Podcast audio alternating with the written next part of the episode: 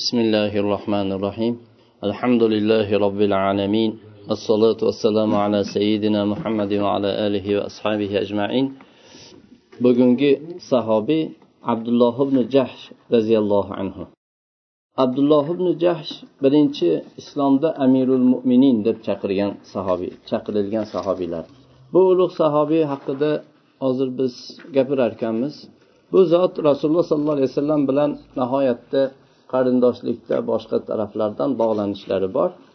Islomni eng avvalgi sahobiylardan islomni avvalda qabul qilgan sahobiylardan ya'ni e, hali sonlar o'nga yetmagan bir ikki uch to'rt besh bo'lgan vaqtda. Butun islom ahli shu uch to'rt dona bo'lgan vaqtda islomni qabul qilgan sahobiylardan abdulloh ibn jahsh roziyallohu anhu rasululloh sollallohu alayhi vasallamni ammalarini o'g'li. Chunki bu abdulloh ibn jahshni onalari umayma bintu abdul muttalib rasululloh sollallohu alayhi vasallamni ammalari. Va rasululloh sollallohu alayhi vasallamni qaynag'alari. Ya'ni rasululloh sollallohu alayhi vasallamni ayollari onamiz zaynab bintu jahshning akalari. Ham ammalarini o'g'li ham qaynilari islomda avvalda islomni qabul qilgan uch to'rt musulmonni biri. Bu kishi birinchi islom bayrog'i ya'ni hijratdan keyin qo'shinga bosh qilib turib birinchi qo'liga islom bayrog'i tiklab berilgan sahobiylar bundan keyin amirul mo'minin deb bu birinchi qo'shinga amir bo'lganligi uchun amiril mo'minin deb chaqirilgan sahobiylarni ham eng birinchisi islomda eng birinchi amirul mo'minin deb chaqirilgan zot. Abdulloh ibn jahshil asadiy abdulloh ibn jahsh islomni nabiy sallallohu alayhi vasallam arqamda abi arqam hovlilariga to'planish ya'ni u yerga kirishlaridan oldin islomni qabul qilganlar. Islomga avvalda o'tganlardan bittalari. Rasululloh sollallohu alayhi vasallam bu makka mushriklarni aziyatlari ozorlari qattiq bo'lgan vaqtda sahobiylarga habashistonga hijrat qilishga izn bergan vaqtda ya'ni dinlarini qurashni ozoridan olib qochib e, hijrat qilganda bu kishi u yerga hijrat qilib keyin u yerda ko'p turolmay qaytgan muhojirlardan. Endi madinaga hijrat qilishlikka rasululloh sollallohu alayhi vasallam izn berganlarida abdulloh ibn jahsh roziyallohu anhu madinaga e, ketayotgan muhojirlarni ikkinchisi edilar bu kishi. Bu kishidan oldin faqat abu salama roziyallohu anhu hijratga chiqqan edilar. Abu salama bu ummu salama onamizni rasululloh sollallohu alayhi vasallamdan oldingi e, erlari. Abu salama roziyallohu anhu bu kishi madinada badr jangidan keyin vafot etadilar. Rasululloh sollallohu alayhi vasallamni emishgan akalari va bu e, abu salama vafotlaridan keyin ummu salama onamizga rasululloh sollallohu alayhi vasallam uylanadilar. Shu abu salama roziyallohu anhu birinchi bo'lib chiqqan edilar. Bu kishidan keyin hijratga chiqqan abdulloh ibn jahsh roziyallohu anhudirlar alloh taologa hijrat qilishlik bu faqat olloh yo'lida ahlidan ajralishlik vatandan ajralishlik e, bo'lgan bu ish abdulloh ibn jahshga bu yangilik emas edi. U kishi va ba'zi o'zlarini e, qarindosh urug'lari xonavodalari bilan habashistonga ham ilgari hijrat qilgan edilar. Lekin bu safargi hijrat bu madinaga qilinayotgan hijrat juda katta hijrat edi. Juda keng ravishda qilingan hijrat edi. Abdulloh ibn jahsh bilan u kishini butun oilasi qarindosh urug'lari bu kishining qabilasi va boshqa e, erkaklar ayollar yosh bolalar yosh qizchalar yigitlar yoshlar bo'lib butun mahalla bu kishini shu atrofidagilar hammalari hijrat qilib chiqib ketgan edi. Bu kishini oilasi bu kishini qabilasi islom va iymon oilasi iymon xonadoni islom qabilasi edi. Ular madina makkadan ajrab hammalari makkadan chiqib ketgandan keyin diyorlari bularning turgan qishloqlari mahallalari shunday huvullab bo'm bo'sh bo'lib xuddi bir ahliga yig'layotgandek shunday sokin jim bo'lib shunday qoldi huvillab qoldi. Xuddi u yerda oldindan hech kim yashamagandek u uning atroflarida yerlarda hech bir kimsa suhbat qurmagandek shunaqa bo'shab qoldi. Abdulloh ibn jahsh va u kishining bu qavmlari bilan birga qilgan shu hijratlariga ko'p o'tmasdan qurayshning quraysh mushriklarning kattalari bu mahalla mahallama mahalla makkada aylanib u kim ketdi kim qoldi deb tekshirib yurishuvdi. Musulmonlardan kim ketib qoldi kim yana qolib shu yerda turibdi shularni bilishlik uchun. Bu jamoani ichida abu jahl utbat ibn rabialar ham bor edi. Ya'ni makkani eng kattalari birga chiqishuvdi. Shunda utba abdulloh bani jahsh bu abdulloh ibn jahshning qishloqlari mahallalari bu uylarga qaradi. Uylar shunday huvillab yotardi. Shunday chang to'zonni shamol e, qo'zg'agan shamol esib eshiklarni shu taraq turuq qilib ochib yopib shunday eshiklarni qoqib turardi. Eshiklar g'ij g'ij qilib ochilib yopilib hech kimsa yo'q shunday holatda. Xuddi yig'layotganga o'xshash bo'lib turuvdi. Shunda o'tba aytdiki abu bu bani jahshning diyorlari uylari ham ahliga yig'layotgan bo'mbo'sh bo'lib qolibdi dedi. Abu jahl bular qanday odamki ya'ni bu ozgina taajjub bilan aytyapti. Bular qanaqa insonlarki hatto diyorlari ham orqasidan tashvishga g'amga tushib yig'layapti deb qo'ydi abu jahl. Keyin abu jahl abdulloh ibn jahshning roziyallohu anhuni xonadonlari u kishining qolgan mulklariga o'zi ega bo'lib oldi qo'lini qo'ydi deydi alini qo'ydi. Ya'ni ularga ega o'zi ega bo'lib oldi o'zini tasarrufiga oldi. Abu jahl bu kishini e, uylari narsalarni butun o'zi molik bo'lib olar ekan bu kishini uylari eng uylarni go'zali boyrog'i behojatrog'i edi. Hamma sharoitlari bor. Xuddi molni egasi ya'ni o'zini mulkini tasarruf qilganday foydalanib tasarruf qila boshladi.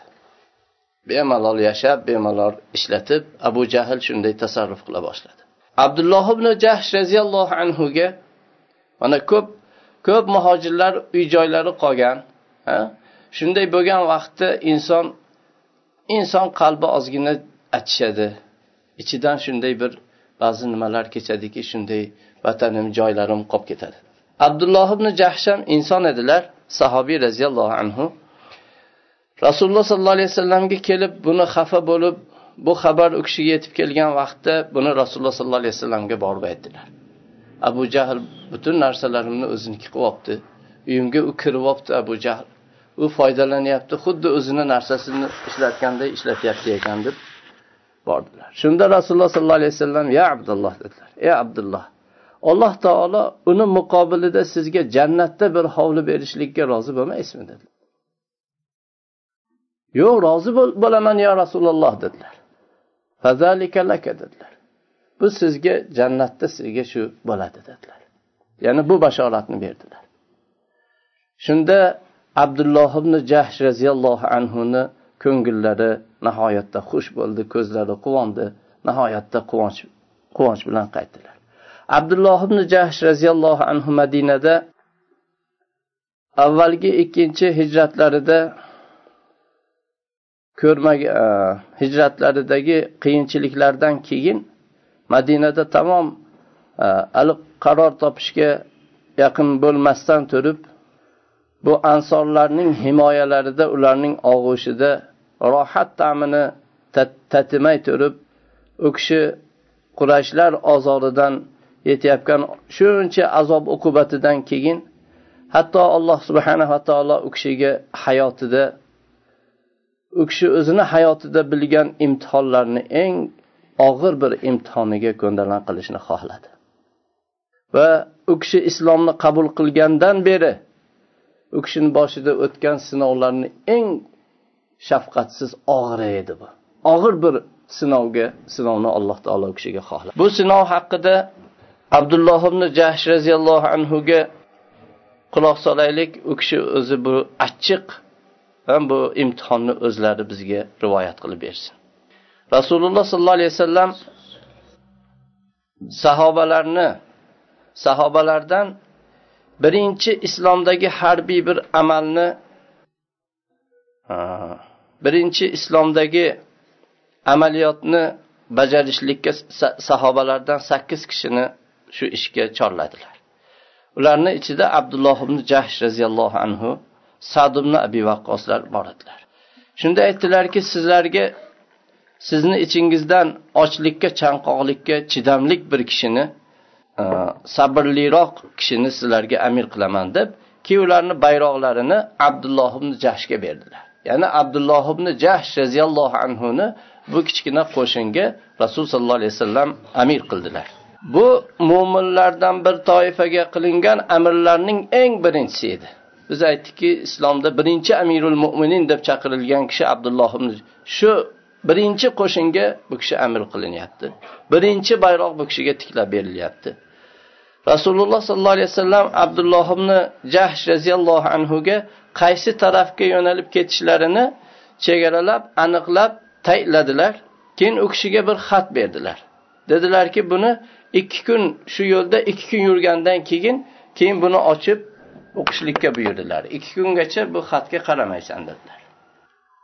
Bu qo'shinni ikki kun yo'l yurgandan keyin abdulloh ibn jahsh xatni ochib qaradilar. Xatda shunday yozilgan edi. Meni bu xatimga maktubimga qararkansan yo'lingda davom et. Hatto e, toif bilan makka o'rtasidagi nahla diyoriga borib tushgin. Keyin u yerda turib qurayshni kuzatdi. Va ularni xabarlaridan e, voqif bo'l.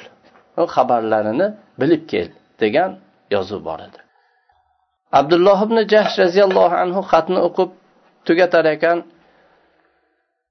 xo'p bo'ladiya rasululloh sollallohu alayhi vasallam ey ollohni payg'ambari bosh ustiga biz shunday qilamiz bajaramiz dedilar. Keyin sheriklariga qarab aytdilarki rasululloh sollallohu alayhi vasallam biz meni nahlaga qarab yurishlikka buyuribdilar qurayshni u yerda kuzatishlik uchun va ularni xabarini olib kelishlik uchun. Va sizlarni e, men bilan birga borishlikka biror kishini majbur qilishlikdan meni qaytaribdilar. Kim shahodatni xohlasa e, men bilan birga borsin kim buni xohlamasa hech e, malomatsiz hech narsa demaymiz. Bu ixtiyoriy qaytaversin dedilar. Shunda qavm aytdilarki biz rasululloh sollallohu alayhi vasallamga tamoman itoat qilamiz. Siz bilan birga rasul allohni payg'ambari sollallohu alayhi vasallam buyurgan joyga boramiz dedilar. Keyin qavm yurdilar. Hatto nahlaga rasululloh sollallohu alayhi vasallam tayinlagan shu diyorga yetib bordilar. U yerda ko'chalarda diyorlar e, oralarida mahallalarda qurayshlarni xabarini kuzatishlik uchun kezib yuruvdilar. Ular shunday bo'lib turgan vaqtda uzoqdan qurashni bir karvonini ko'rib qoldilar. Karvonda to'rt kishi bor edi. To'rt kishi amr ibn hadramiy hakam ibn kayson usmon ibn abdulloh va usmon ibn abdullohni akasi mug'ira mug'ira ibn abdulloh. Shu to'rttasi bor edi keyin qurashning teri e, mayiz quruq uzumi shularni ko'targan tijorati karvoni bor edi. Quraysh savdo sotiq qiladigan quraysh tijorat qiladigan shunday tijorat matosi bor edi. Bu payt sahobiylar roziyallohu anhum bu qo'shindagi sahobiylar o'zaro maslahat qila boshladilar. Bu kun ashhurul hurum rajab oyini ashhurul hurumlar zulqada zulhijja muharram bo'ladi. Keyin bu e, oylar o'tib e, ramazon oyidan bir oy oldingi oy ya'ni shabondan oldingi rajab oyi ham ashhurul hurumga kiradi shu ashhurul hurumni rajab oyini oxirgi kuni edi. Oxirgi qolgan bir kuni edi. Shunda aytdilarki agar biz ularni o'ldirsak shahrul haromda o'ldiramiz. Urush jang man qilingan oyda o'ldiramiz. Bunda bu oyni hurmatini to'kishlik bo'ladi va butun arablarni hammasini g'azabiga duchor bo'lish bo'ladi dedilar. Agar biz ularni qo'yib qo'ysak bu kun ular ketsalar bu kun o'tsa haram yeriga kirib qoladilar. Makka ham yaqin edi. Haram yeriga bir kunda haram yeriga kirib qoladilar. Haram yeriga kirib kirib qolsalar yana yana u yerda e, odam o'ldirish jang qilishlik haram yeri endi yana keyin u xatarli ham bo'ladi dushman yeri. Haram yeriga kirib qoladilar dedilar. Va bizdan yana xotirjam joyda bo'lib qoladilar deb maslahat qilishardi. Ular shunday maslahatlashishda davom etdilar hatto oxirida ularga hujum qilishlikka va ularni qatl qilishlikka kelishdilar. Shu oxirgi bu rajab oyini oxirgi kunida ularga jang qilib ularni o'ldirishga va qo'llaridagi dunyolarini tijoratlarini o'lja qilib olishga shunga ittifoq bo'ldilarda bir necha lahzada ulardan bittasini o'ldirdilar. Ikkitasini asir oldilar. To'rtinchisi qo'llaridan qutulib qochib ketib qoldi. Shunda abdulloh ibn jahsh roziyallohu anhu va u kishini e, qo'shinidagi sahobiylar sheriklari ikki asrni va karvonni hammasini madinaga qarab haydab ketdilar. Rasululloh sollallohu alayhi vasallamni oldilariga bu karvonni olib ikkita asrni yetalab kelishuvdi. Rasululloh sollallohu alayhi vasallam bu bularni qilgan ishlaridan xabar topuvdilar. Ya'ni rajab oyini shahrul haromni oxirgi kunida qilganliklarini biluvdilar. Rasululloh sollallohu alayhi vasallam uni qattiq inkor qildilar. Men sizlarni urushga buyurganim yo'q. Allohga qasamki men sizlarni urushga buyurmadim dedilar. Men sizlarga shu qurayshlarni xabaridan voqif bo'lib kelinglar deb buyurgan edim. Ularni harakatini kuzating deb buyurgan edim. Deb qattiq inkor qildilar. Va bu asrlarni ham to'xtatib qo'ydilar. Bular haqida nima qilish to'g'risida fikr qilgungacha. Va ular olib kelgan bu o'ljadan karvondan ham yuz o'girdilar. Undan hech narsa olmadilar. Shunday to'xtab qoldi. Shu vaqtda abdulloh ibn jahsh va u kishining bu qo'shindagi sheriklari hammasi tushkunlikka tushdi. Va endi rasululloh sollallohu alayhi vasallamni bu buyruqlariga xilof qilishlik bilan o'zlarini halok bo'lganliklariga qat'iy bir ishonchda bo'lib qoldilar. Biz tamom bo'ldik endi. Shunaqa bo'lib turuvdi ko'chaga chiqib shu musulmonlar oldidan o'tishsa musulmonlar ular bilan gaplashmaslik uchun ularga ko'p malomat qilishardi va ulardan burilib ketishardi. Assalomu alaykum desa bular rasululloh sollallohu alayhi vasallamni payg'ambarni buyruqlariga xilof qilganlar bular deb gaplashmasdi. Bunday burilib ketib qolishardi. Bu ularniga juda og'ir botar edi. Shunday bo'lib turgan edi qurayshlar endi dushman tarafidan. Bu hodisadan qurayshlar rasululloh sollallohu alayhi vasallamni haqorat qilish qabilalar o'rtasida buni hamma yerga gap qilib tarqatib shuni sharmanda qilishlikka bir vasila buni sabab qilib bahona qilib qurashlar ushladi. Ular der ediki muhammad shahrul haromni hurmatini to'kibdi. Bu oyda qon to'kibdi mollarni g'animat qilib olib kishilarni asl qilib olibdi degan gaplarni shoya qilardilar. Bu bu gapni eshitib rasululloh sollallohu alayhi vasallam haqida qurashlar bunday qilayotganligini eshitib bu sahobiylarga abdulloh ibn jahsh va u kishining sheriklariga tanglik ustiga mashaqqat ustiga yana mashaqqat ortdi. Ular rasul sollallohu alayhi vasallamni buyruqlariga xilof qilganliklariga bo'lgan bu tashvishlari g'amga botganliklari darajasini so'ramang.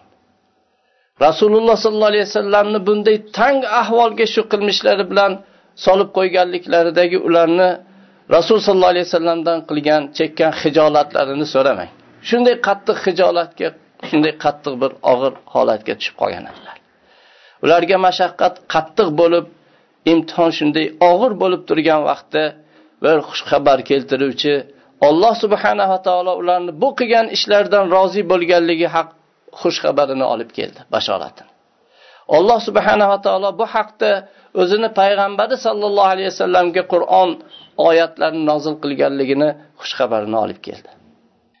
endi bularni quvonchlarini qanchalik darajada ekanligini so'ramang. Odamlar ularga qarab kelishardi quchoqlashib tabriklab ularniga xushxabar yetkazishardi. Ular haqqilarida ularni qilgan ishlari haqidagi bu ulug' qur'on oyatlarini tilovat qilishardi nabiy sallallohu alayhi vasallamga ollohni mana bu so'zi nozil bo'lgan edi. Azu billahi minash shaytonir rojim. يسألونك عن الشهر الحرام قتال فيه قل قتال فيه كبير وصد عن سبيل الله وكفر به والمسجد الحرام وإخراج أهله منه أكبر عند الله والفتنة أكبر من القتل sizdan bu shahrul haromda ashurul haromda jang qilish haqida so'raydilar bu nima bo'ldi endi bu bizni qilgan aytingki bu oyda shahrul haromda jang qilishlik katta gunohdir. Ammo kimni jang qilindi kimga jang qilindi? Ha, kimni asr qilindi kimni moli o'lja qilib olindi? Ollohni yo'lidan to'sishlik ha, bu ollohni yo'lidan.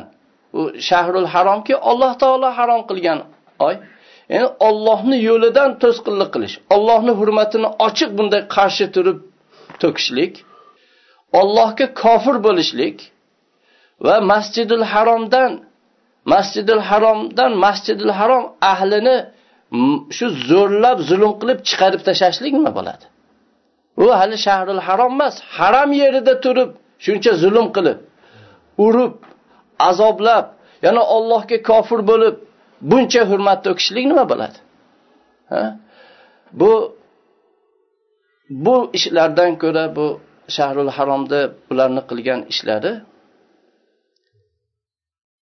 mushriklarni ya'ni qilgan ishlari jang qilib bir kishini o'ldirib ikki kishini asir qilib mollarini o'lja qilib oldilar. Bu hali haram yerida emas bularga. Ular na haram yerini rioyasini qildi na ashhurul haromni rioyasini qildi. Bu haram yeridan tashqarida shahrul haromni oxirgi kunida qilgan ishlaridan bu mushriklarni buncha obro'larni to'kkanliklari kattaroqdir. Va bu fitna odam o'ldirgandan ko'ra kattaroqdir. Haqqa to'sqinlik haq ahliga buncha ozor berishlik. Bu endi odam juda ajoyib bu. Hozirgi kunda ham shunday. Ha shu musulmonlar shunday jonidan o'tgandan keyin o'ldirishdan boshqa iloji yo'q bir e, shu zolim shunday qabohat bir nimani musulmonlar o'ldiradi. Ular buni qoralab chiqishadi. Ya'ni nima bu musulmonlar shuncha ishga borishibdi?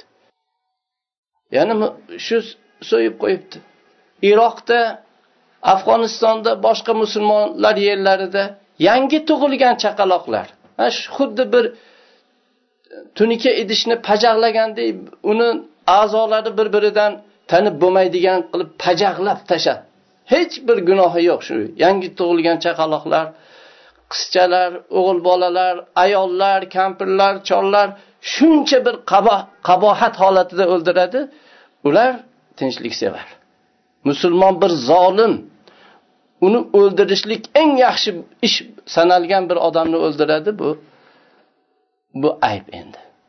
Mana bu bularning eng shu avvaldagi o'tmishdoshlari bo'lgan ya'ni shundagi zolimlarni bobolari bo'lgan zolimlar makka mushriklari ham ayni shuncha qabohatni qilib shahrul haromni oxirgi kunida o'ldirdi deb shunday shoya yozardilar.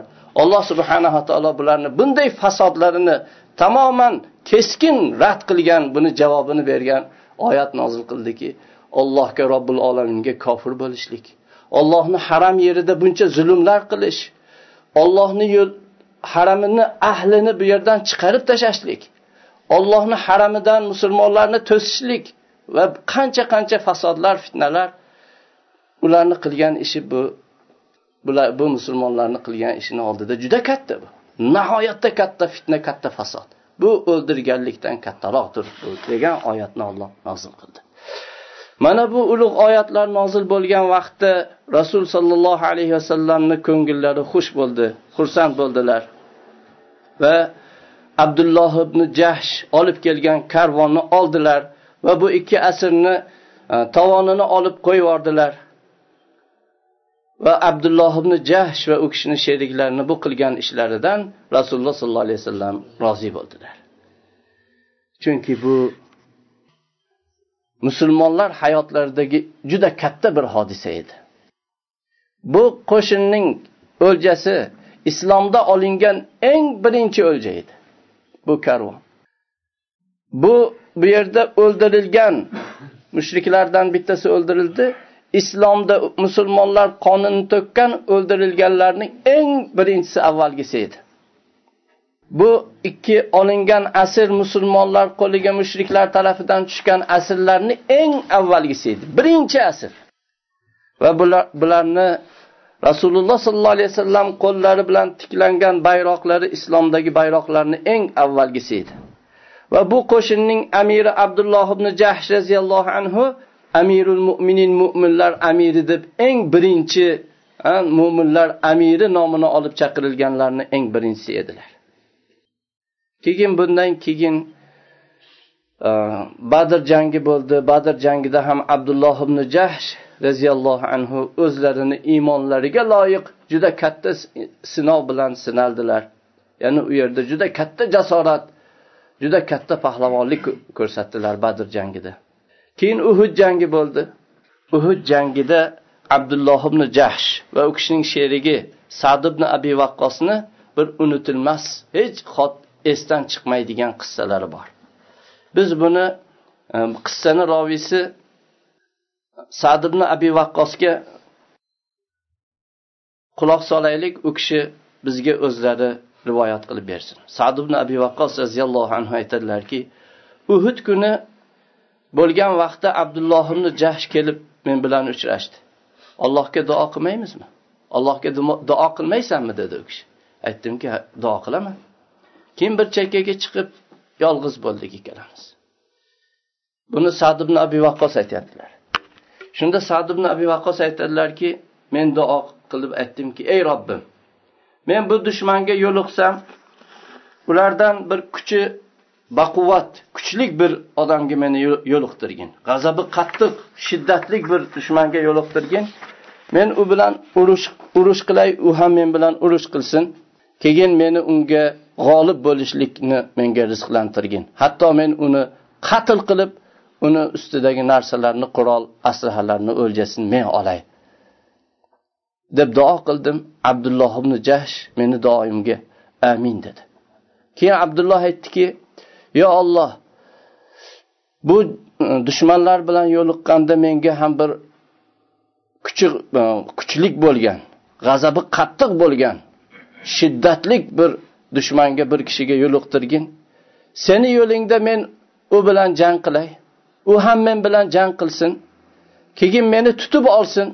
Keyin meni burunlarim quloqlarimni kesib musla qilsin. Ertaga seni oldingga borganimda ey abdulloh sen qayerda qaysi yo'lda sen bunday quloq burning kesildi deb so'raganingda men sen seni yo'lingda seni rasuling yo'lida quloq burnim kesildi desam sen rost aytding deb aytadigan bo'lsin deb duo qildilar. Rost aytding sodiqsan degin deb shuni duo qildilar. Ya'ni bu yerda bizga nihoyatda bir muhim bo'lgan joyi bor. Biz alloh subhanava taologa ixlos bilan rasul sollallohu alayhi vasallamga ittibo bilan bir amalni qilamiz. Lekin bu qilayotgan amallarimiz haqiqatdan olloh subhanava taoloni oldiga borganimizda shunday shunday bo'ldi degan deganimizda alloh taolo sen rost aytding ey bandam deydigan amal bo'lishligi kerak. Ya'ni shunday nifoqdan toza xolis olloh uchun bo'lgan amalni alloh taolo bizga nasib qilsin. Bunga nihoyatda e'tibor berishimiz kerakki qilinayotgan ishlardan qasdimiz nima? Butun bu jihodmi? Talabi ilmmi bu hijratmi? Alloh subhanava taolo yo'lida qilinayotgan har bir harakat sadaqot bundan olloh yo'lida degan narsa bu niyatimiz shu. Lekin biz haqiqatdan seni yo'lingda shunday qildik qildik deganimizda alloh taolo rost aytding deydigan haqiqatdan rost bo'lishligi lozim. Alloh subhanava taolo shunday amal qilishlikni nasib qilsin. Abdulloh ibn jahshning duolari mana shunday ulug' bir duo edi. Shunda sad ibn abi vaqqos aytadilarki abdullohni duosi meni duoyimdan ko'ra yaxshiroq edi. Bu faqat bu quloq quloq burnini kesilishi keyin u bilan jang qilishini o'zi emas. Haqiqatdan bu amalda sodiqlik va alloh taoloni o'zi bu amalni tasdiqlashini ham u kishi duo qilib so'radilar. Seni yo'lingda rasuling yo'lida quloq burnim kesildi desam sen rost aytding degin deb shuni duo qildilar. Abdulloh ibn jahshni duosi meni duoyimdan yaxshiroq edi. Jang to'xtadi kunni oxirida men abdulloh ibn jahshni ko'rdim. U kishi qatl qilingan edi. Quloq burnisi kesilgan edi. Quloq burunlari bir ipga o'tkazilib bir daraxtga osib qo'yilgan edi. Inshaalloh ollohni huzuriga borganda ham alloh taolo shunday quloq burnim seni seni rasuling yo'lida kesildi deganda inshaalloh alloh taolo rost aytding deydigan shu duolarni ijobat qilgandi alloh subhanaa taolo. Alloh taolo abdulloh ibn jashni bu duolarni ijobat qilgan edi.